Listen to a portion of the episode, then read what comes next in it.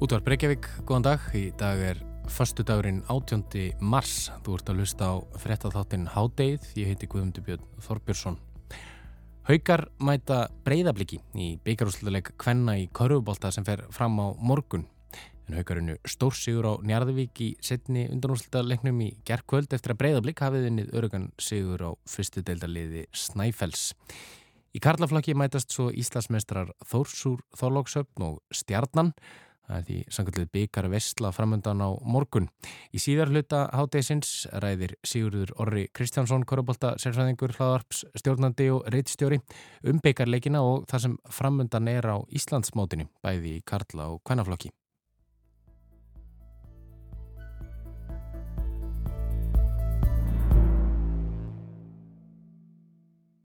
En við byrjum á örskýringu eins og vanalega á förstu dögum og í dag ætlum við að örskýra mann.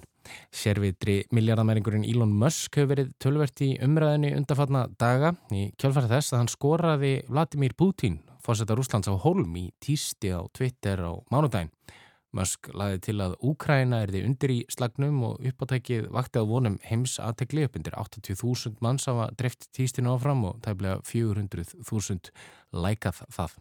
Þá fjöldluðu stærstu fjölmjölar heimsum týstið á samtíð að byrta fréttir um viðbröð nokkura valin kunna rúsa við því en Putin sjálfur hefur yngur til að láta sér fótum finnast. En hver er annars Elon Musk og hvað vil hann sífælt på dekk? Hvaðan er hann? Hvernig var hann ríkur og hversu ríkur er hann?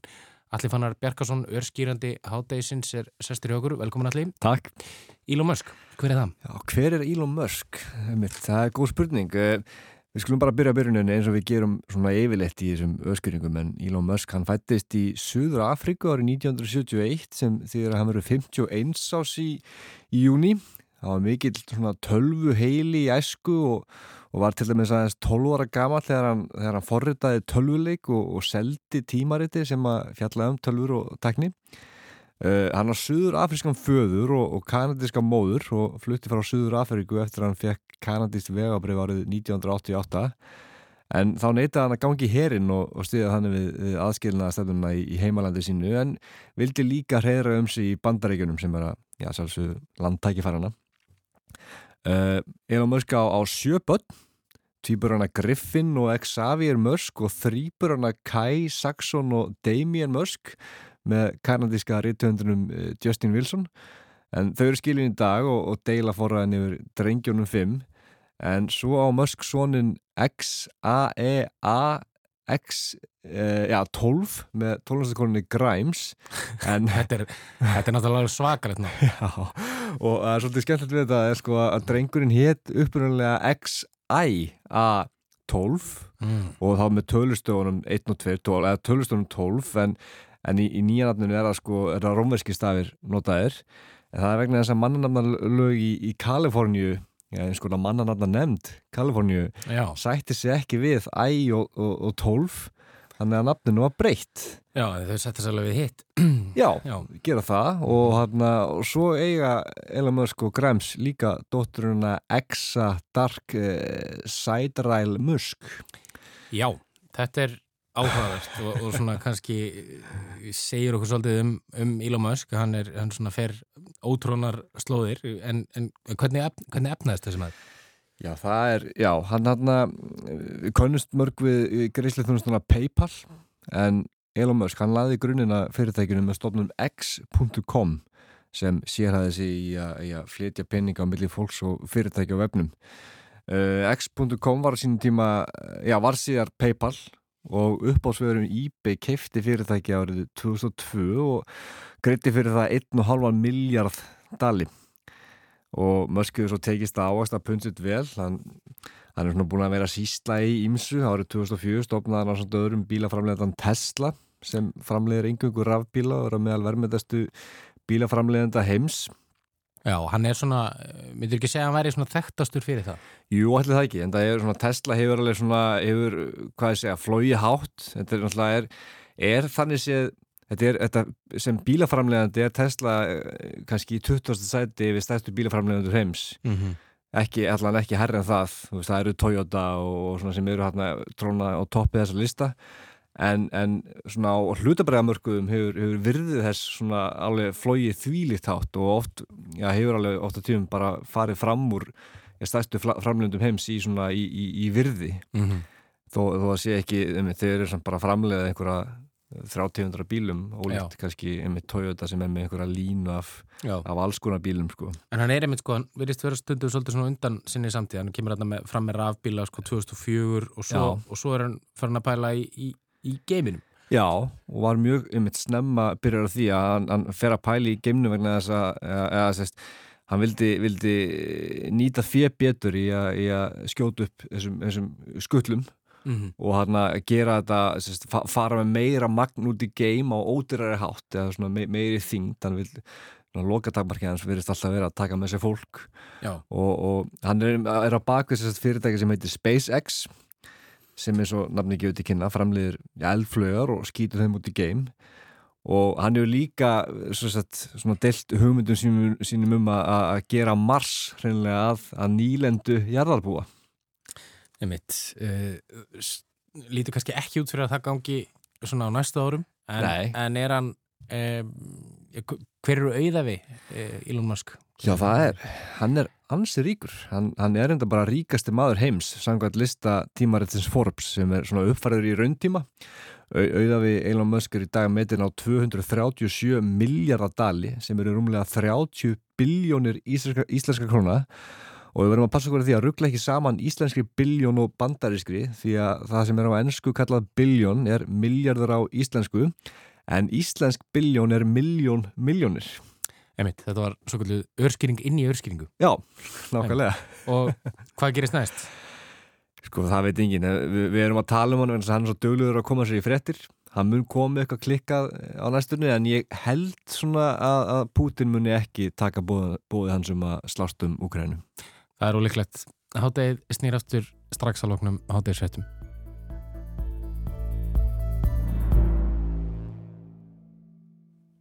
En þá yfir í íþróttirnar eins og vanalega á förstu dögum og við ætlum að fókusa á körubólta í dag. Haugar mæta breyðabliki í byggjurúsleituleik hvenna í körubólta sem fer fram á morgun. Þetta var ljóst eftir að haugurinu stórsigur á Njarðvík í síðari undanúsleituleiknum í gerkvöld og breyðablik hafði áðurinnið örgansigur á fyrstutildaliði Snæfells. Í karlaflokki mæta svo Íslasmestrar Þórsúr Þorlóksöfliði stjörnunar, það er samkvæmlega byggar vestla framundan á morgun og hingað er komin Sigur Orri Kristjánsson korupólta sérfræðingur laðarpstjórnandi og rittstjóri og sjómas og útásmaður eh, og stjórnandi þátturins eh, Boltin lífur ekki á exinu, velkomin Sigur uh, Takk. Ræðum að þessum, þessa leiki, við ætlum að eh, ræða líka bara um deildina almennt og, og, og landsliði hér á eftir. En, en svona þessi rundunastlega leikir í byggandum eh, hvernig, hvernig spilaðist þetta? Sko í hvernarflokki var þetta nokkuð basic. Uh, það var svona Já, Sigurstrangleira liðið vann bara ágætlega stort Breifleik vann fyrstu þetta lið Snæfells og eiginlega það eina skemmtilega við þann leik var að Hildur Sigurðardóttir ég var að segja þriða besta korrupnalliskona sögunar, eitthvað svona þarum bil um, hún mætti að spila Fyr, fyrir Snæfell, Snæfell mm -hmm. hennar heima lið Uh, Gunnildur Gunnarsdóttir líka og þannig er ykkur 250 landsleikir held ég uh, sem að mæta á, á parketti Og Gunnildur og Hildur eru semst hættar Já, svona, já Hildur er allavega hætt og Gunnildur er búin að draga sér mikið tilbaka mm -hmm. uh, Hinn með einn, svo nu haugarnir örugansigur á, á Njarðvík og haugar auðvitað fengu aftur Helinu Sverrisdóttir til mm -hmm. liðsvið sig fyrir tímabilið mm -hmm. og það hefur nú verið svona stefið undanferðin ár, Helina fyrir eitthvað lið það vinnur rosalega mikið, það er nú svolítið það Já, það er, er gríðalög liðstyrkur. Og hvernig, hvernig sérðu þennan úsleik spilast? Það hvernig bara því miður valdi yfir úsleikin hann er uh, annað kvöld, hann er sittinleikur það var alltaf spila klukkan svona 2 og svo halv 5 það var alltaf þannig, mm -hmm. en núna er þetta 17.45 uh, kallalegurinn, hann er undan mm -hmm. 17.15 mm og svo í kvennarleikin sem er gljóða 19.45 Þú segir því miður er það vegna þess að þú vonast, vonast náttúrulega eftir spennandi leik? Já, maður vonast yfirleitt eftir spennandi leik en það verður erfitt fyrir blikana sem fengu þó tilbaka bandaríska leikmannir sem, sem er búin að vera að spila núna uh, í svona, svona undirbúningsverkefnum fyrir 12 NBA mm -hmm. uh, og fór bara mjög svona snöglega um daginn. En uh, hefur snúið aftur og þannig að það er ætti nú allavega að eiga möguleika og vonum bara að hérna, fólk mæta að stegja sínlið eh, svo er það kalla, kalla eh, leikurinn, eh, fyrir leikur dagsins á morgun, uh, Þór Þólasson mætir stjörnunni, hvernig voru þessir undurúslega leikir? Frábærir, báðir, uh, jafnir og spennandi framlenging í Keflavík stjartan þar sem að ef ekki bara að segja það þannig Guðmund, þú horfir, stund, þú horfir á NBA Mm -hmm. þannig að þú veist að í lokleikja í NBA þá lætur bara besta gaurinn fá boltan og segir honum að gera sitt. Mhm. og ef það koma tveir vardamenn þá getur hann gefið boltan fundið eitthvað opinn en besti gaurinn er svo sem tekur ákvarðanir í lokin. Stjarnan gerir það, eru með mann sem heitir Robert Turner og hann lokaði leiknum fyrir stjörnuna. Og meðan að mér fannst keflaði ykkur ennþá að spila svona, svona, svona evrópska, svona mikinn liðsbolta Já, en það er auðvitað, ef það eru 20 sekundur eftir þá er bara mjög hættulegt að gefa mikið að sendingum. Mhm. þannig að stjarnan var mikið að komast kannski í boltan en náðu ekki að komast í, í réttu stöðunar og, og, og Keflavík uh, svona voru komnir fimmstegum yfir í framleggingunni en töpuðu leiknum og stjarnan í fjórðasinn í röð Mhm. undir stjórn Arnars Guðjónssonar Borgfyrings, þeir eru búin að já, komast fjóru sinnum í röð í úslitin og búin að vinna tvisvar þannig að þetta er, þetta er kannski byggar reynslan sem að kerir stjörnuna hann. Já, hann allavega let mig vita vel af því þarna, Já, eftir leik, að þetta væri augljóslega það en, en hinleikurinn Þór Þólasson gegn Val. Þar mætast annars vegar bara lið sem eru ríkjandi Íslandsmeistarar og besta lið deildarinnar uh, að mínum mati og Valur sem er eiginlega svona það lið sem er skapað til að geta spilað við Þór, mjög svona hreyfanleir, geta skipta á hindrunum vartanlega uh, og eru margir jafn stórir, þau geta spila með lið inn á það sem allir eru tveir metrar á hæð uh, og, og, og góðir varnamenn það vantar kannski stundum upp á svona skotmöguleika vals en þeir held við Þór alveg þangar til í lokin þegar að mistu það bara fram á sér á, á lokasprettinum þar sem að Þór var að setja stór skot en, en Valur klikkaði á sínum. Mm Og hvernig metur þú svo úslita leikin á, á morgun? sko veðbankar og, og ég sjálfur ef svona eh, ef þú myndir bara setja mig bara og neyða mig til að svara Mm -hmm. þá myndi ég að Þór myndi vinna og ég, ég myndi segja með svona 10 stegum, 10-15 en ég er að segja, sko byggarstjarnan má ekki vera valmyndin, við sáum það nú í, í þáttunum Jón Arnór sem hefur verið að sína núna Mm og ástöð 2 og það, þar hérna um, er mitt sínt frá byggarústaleik frægum 2009 þegar K.R. mætir með sennilega sterkasta lið Íslands sögunar til leiks og tapar fyrir stjórnunni stjarnan búin að vinna fjóra byggarmestartilla og ætla sér vænta leiti viðbútt þannig að ég myndi ekki afskrifa stjórnuna Einmitt. Eh, Þú komst hérna eh, til mín í fyrra þegar, þegar Þór Þólasson uh, hafði ný unnið Íslandsmeistaratitilin í fyrsta skipti og, og þá spurði ég svona eh, eru þeir eru þeir líklegir til afreika á, á, á næsta ári og, og, og þú, ég man að þú sagði svona já, já, þeir, þetta er gott lið og allt það en, en þú veist að ljósta að þetta verður, einhver blótaka eh, Styrmi Þrastason eh, sem var frábær og síðustu leiktið, hann, hann fór út í nám. Eh, það var tölver breyting á liðinu en þeir eru enga síður, þeir eru eftir dildinu Þeir eru eftir í deildinni, þeir eru með besta leikmann deildarinnar að mínum að þið, Glyn Watson. Uh, og þetta gerist í íslenskum körubólta, þú mátt skiptir oft bara út öllum erlendu leikmannunum og það var það sem gerðist uh, bættirunum verið einum við sig, þeir eru með fjóra og eiginlega fimm erlenda leikmann uh, og svo þess að þrjá sem voru líkilmenn í, í, í Íslandsmeistaraliðinu í fyrra uh, Emil Karel og Davíð uh, og Davíð Arnar sem eru heima, heimamenn úr, úr höfninni og Ragnar Rútt Bræðarsson úr Breiðoltinu sem er reyndar búin að búa þarna mjög lengi. Og þeir spiluðu allir frábælega í gerð búin að vera frábærir á, á, á tíumbilinu sérstaklega Davíð Arnar sem að hefur heldur betur stíð upp í fjárveru styrmis og var eiginlega fyrir nokkru málum svona pínu grínkall svona kallaðu Dabbi Kongur með svona smá smá svona framan á sér og svona. Núna einhvern veginn er hann bara orðin af allra bestu íslensku leikumum deildarinnar er með 40% reykastendingu og, og liðið þeirra spilar að mínum að til langskemmtilegasta boltan í deildinni upp og niður en eru samtalið geta að spila á hálfumvelli sem er ekkit endilega algengt þegar út með svona upp og niðurlið Einmitt, og svo er hann náttúrulega mikill stemningsmaður og þetta lið kannski þannig, þeir eru svolítið svona með, með hjartaðar minni, eins og maður segir. Já, algjörlega, áhörundunir kólklikkaðir uh, eru allir hann að, sig ekki reyna drekan og þeir eru, með, þeir eru allir að vinna með sko að vera í búning og ekki eins og stundum, stundum káar sem er alltaf í blazer yfir þá eru stundismenn uh, Þórs berir undir. Þannig að það láta vita af sér. En það er gaman að segja frá því að, Styrmir hann hefur þetta fór út í námur að spila fyrir Davidson háskólan, saman skóla og Steph Curry og Jón Axel spiluði fyrir. Um, og hann er að spila í uh, marsfárinu í kvöld mótið Tom Izzo og Michigan sem er risalið hann er svo sem aftalega í rótiringunni það er strákur hérna á undanrannum frá sem er svona kóriskur bandaríkamaður sem er bara á leiðin í NBA og algjörlega frábær mm -hmm. Einmitt um, Víkjum aðeins í lokin stutlega uh, Sigurður að, að íslenska, íslenska landsliðinu, kallalandsliðinu er náttúrulega eru núna að spila í, í undankeppni heimsmestaramótsins og, og unnu, unnu frækinn Sigur og Ítölum uh, hér í Hafnarfriði á, á dögunum töpuðu svo útilegnum, hafa unni hollendika, uh, tapa fyrir rússum hvernig, eigum við eitthvað tjans að fara á heimsmestaramótið?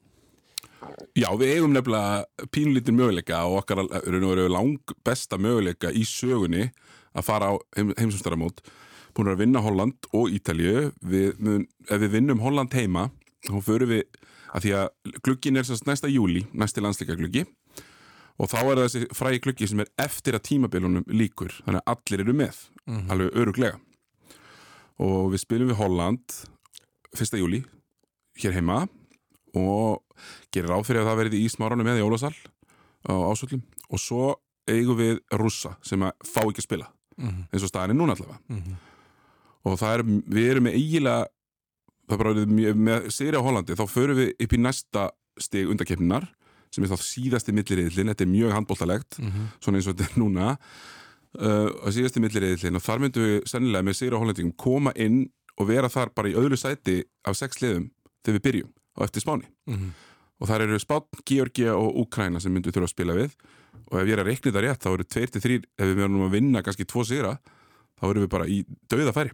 Og það, þessi þetta heimsmestarmót fer fram þá þar næsta sumar á Philipsheim Já, Philipsheim uh, sem sagt uh, eftir uh, það held ég ágúst.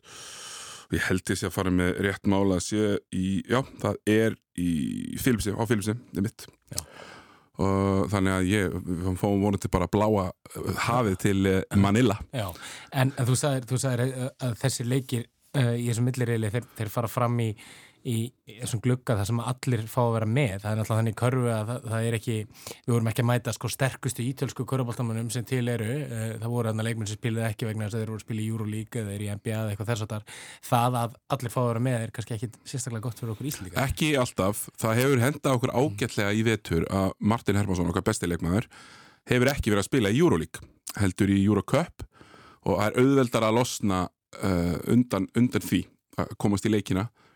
en jú, jú, það er bara alveg rétti Ítalir voru auðvitað ekki með til dæmis sinn kannski frægasta mann, Danilo Gallinari sem spilar fyrir Atlanta Hawks. Uh, Hollendingar hins vegar er ekkit með mikið af leikmönum sem spila á þessu allra, allra hæsta leveli hvort sem er. Mm -hmm. og hérna, það væri ég, ég myndi segja að við kæmum inn í þannleik sigurstrangleiri aðlinn og eins og ég segi, þá eru við komnir í síðasta millistíð það sem að spátt munum endalega af allt yfir allt því að þeir munum mitt fá sína Júrulík og NBA, menn en það verður mjög frólægt að sjá hvernig leiki leikinir okkar fyrir Georgi og Ukrænu sem eru líklegustu liðin til að komast upp líka Einmitt. En aftur að byggjarleikinum bara við lokin eh, fara að fara morgun klukkan hvað og hvaða, hvaða við talaðum að kallaleikunum er undan, ekki? Jú, kallaleikunum er klukkan 17.15 þetta er allt hérna rúf mm -hmm. uh, ég man ekki nákvæmlega hvernig útsendingin byrjar en þetta er eitthvað í kringum 5 mm -hmm. uh, þeir, þeir eru mikið búin að vera svo er hvernig 1945 um, Og það er leikið í Hafnafrið? Það er leikið í Smáran Í Smáran?